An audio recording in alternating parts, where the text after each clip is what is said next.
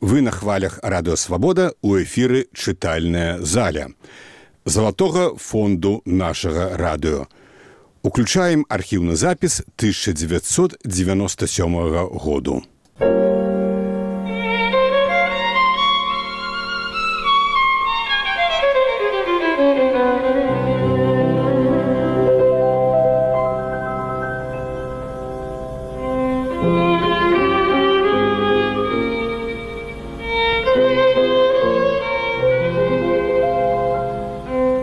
Андрей Мрый.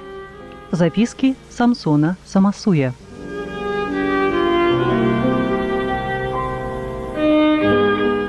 У чытальнай зале радыё Свабода класічны літаратурны партрэт савецкага беларуса.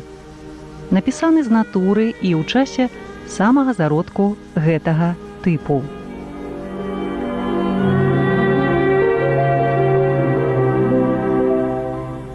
Выбраныя старонкі твора публікацыя якога ў 29 годзе стала раўназначнай прысуду над аўтарам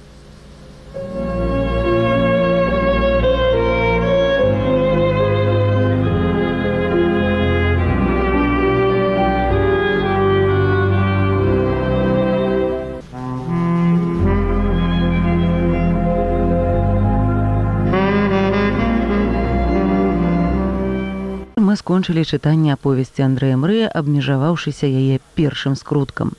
Нагадаем, што пасля публікацыі запіскаў Самсона Самасуя ў 29 годзе твор вярнуўся да чытача толькі ў 88. Гэта была адна з заслугаў сучаснага часопісу полымя.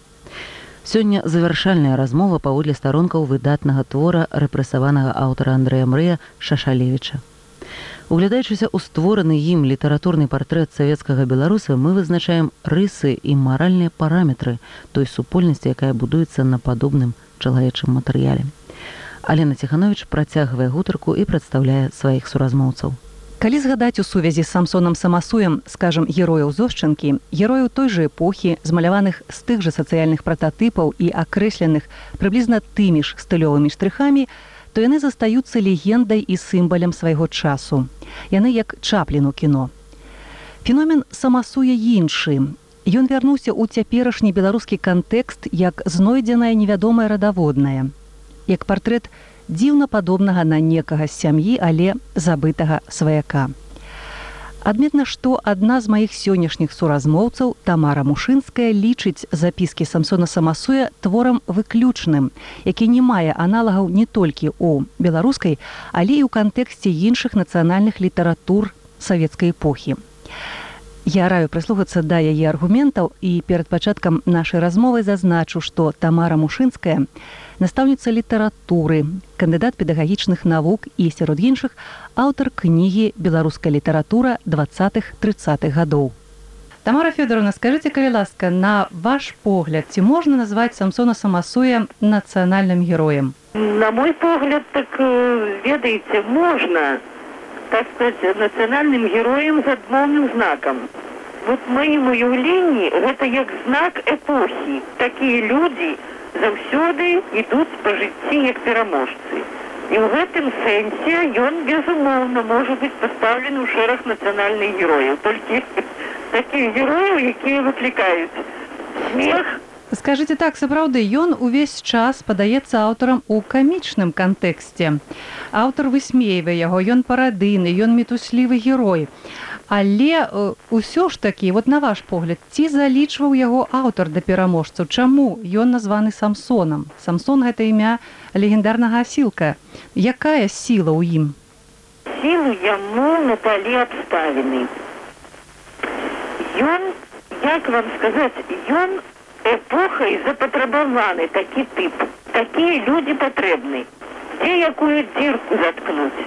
Так вось чаму ён не усюды наверсе чаму ён перамагае? Таму што ён згодны з тым каб ім карысталіся як прыладай. Сапраўды так ім карыстаюцца як прыладай але відаць небяспека гэтага тыпу ў тым што гэта прылада якая на нейкім этапе пачынае усведамляць свае ўласныя мэты ці не дае нам аўтар зразумець наколькі гэта небяспечна ось у тых акцыях якія праводзяцца масой гэты герой чым ён адрозніваецца у яго шалёная энергия. Але яна, эта энергия, закладена у человека бессаронного, для якога ніякіх маральных бар'ераў не існуе. У яго адна мэта, і ён ідзе да яе просталінейна. Трэба кар'ера, значыцца будзе цёплае месца, будзе забяспечанасць, будзе ўлада, значыцца будзе ўсё астатняе. Чалавечая асоба ў яго в очах каштоўнасці не мае і нічога не значыць. Чалавечых правоў для яго не існуе. Існуюць законы класавай барацьбы. Значит, той, хто яго не падтрымлівае, то той робіцца вораг. І на таго накіравана яго шалёная энергія бессароннага безразважнага ёлупа, у якога няма ні, ні сумлення нічога. памятаеце па ўзроўню шкоды тыя кампаніі якія ён праводзіў можна э, по-рознаму ацаніць ну скажем калі ён праводзіў кампанію фізкультуру ў масы то шкода шкода шкода была толькі што гэта былі спляжаныя палеткі Вось але памятаеце ён потым перайшоў і да больш сур'ёзных акцый такіх як судовы працэс над суддзёй торбам Як вы тут ацэньваеце вот гэтага самасуя без адукацыі без усяго які тым не менш бярэ на сябе права судзіць суддзю? Самасую зусім невядомы ніякія ні сумненні ні ваганні. Яму сказалі тут яму яго выкарыстоўваюць як прыладу. Трэба торбу знішчыць таму што ён на галаву вышэй за ўсіх.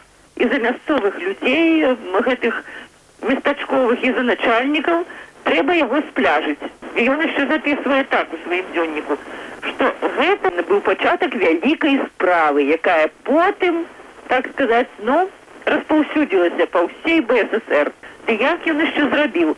Ён жа ў сваёй прамове цытуе запісныя кніжкі торбы. Скрадзеныя кніжкі так. а той з месца кажа ай-яй-яй скраў жа не не пасароміўся скрасці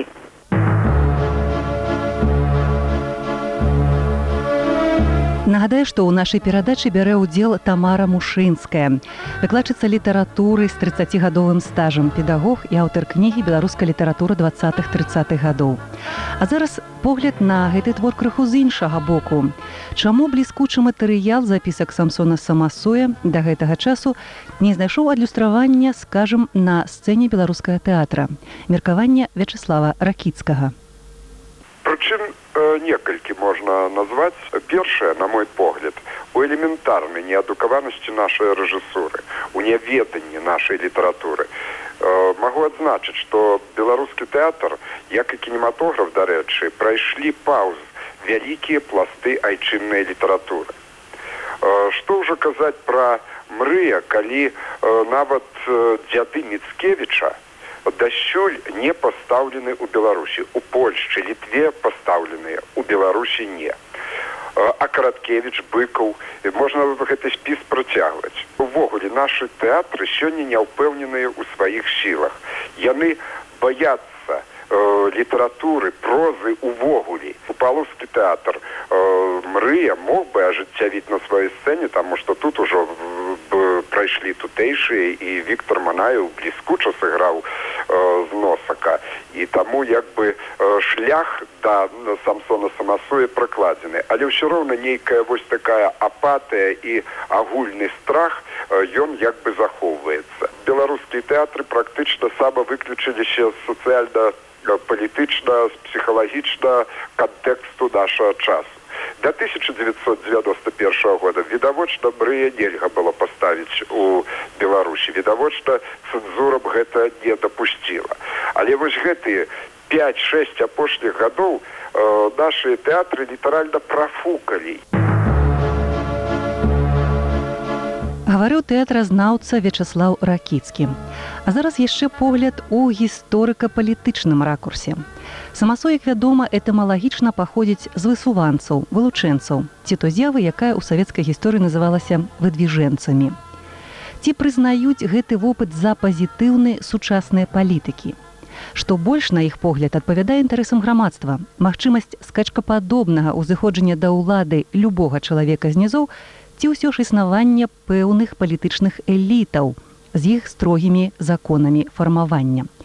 Вось у прыватнасці меркавання сябры выканкама беларускай сацыял-дэмакратычнай партыі народная грамада ігора рынкевіча пытанне заўсёды стаяла перад так званай прадстаўнічай буржуазнай дэмакратыі так званай непасрэднай праз рэферэндуме праз вось гэтыя згразі ў князі тое што на сваім сцягу напісалі бальшавікі.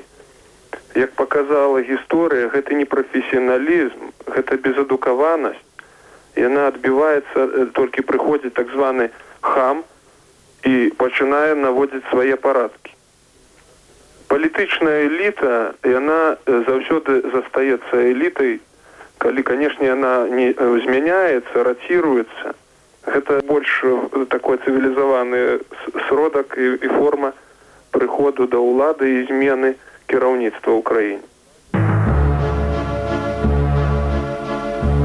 Гэта было меркаванне ігора рынкевіча і нарэшце заканчэнне размовы з тамарай мушынскай якой жа меркай адмераў самасую аўтар? Чаму ўрэшце быў знішчаны працяг твора?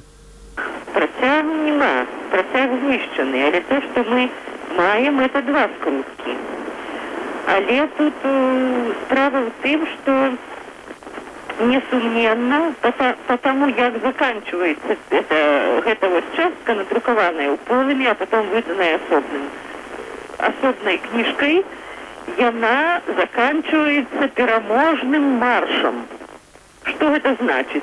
Что ён не только там справа про округу идет, а что ён вось-вось зробится деячем республиканского масштабу.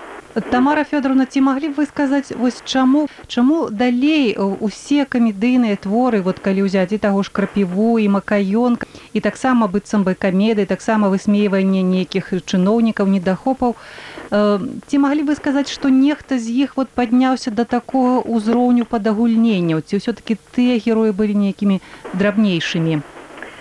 Я вам скажу так что э, я вельмі цікавілася пытаннем ці маюць другія нацыянальныя літаратуры руска украінская ці там яшчэ якая з бывшых савецкіх так сказать літаратур ці маюць яны такія творы. Таких твораў няма мы калісьці захапляліся двенадцатью крэсламі але гэта гэта смешныя гэта вельмі такія дасціпныя творы. Але ни у іх няма нідзе ні ў якіх сатырычных творах каб аб'ектам выкрыцця была так дакладна сказаць антычалавечая палітыка і жыццёвая практыка якая пазбаўлена маральных крытэрыяў наогул і гэты чалавек ідзеец пераможца у крытывы ж пакараны тыя людзі якія ну, вот, адказаліся ад маральных запаветаў ад маральных законаў А тут гэта пераможца. А до такого ўзроўню абагульнення наши сатырыкі больш не паднімаліся і ніхто у савецкай літаратуры няма больш такіх твораў.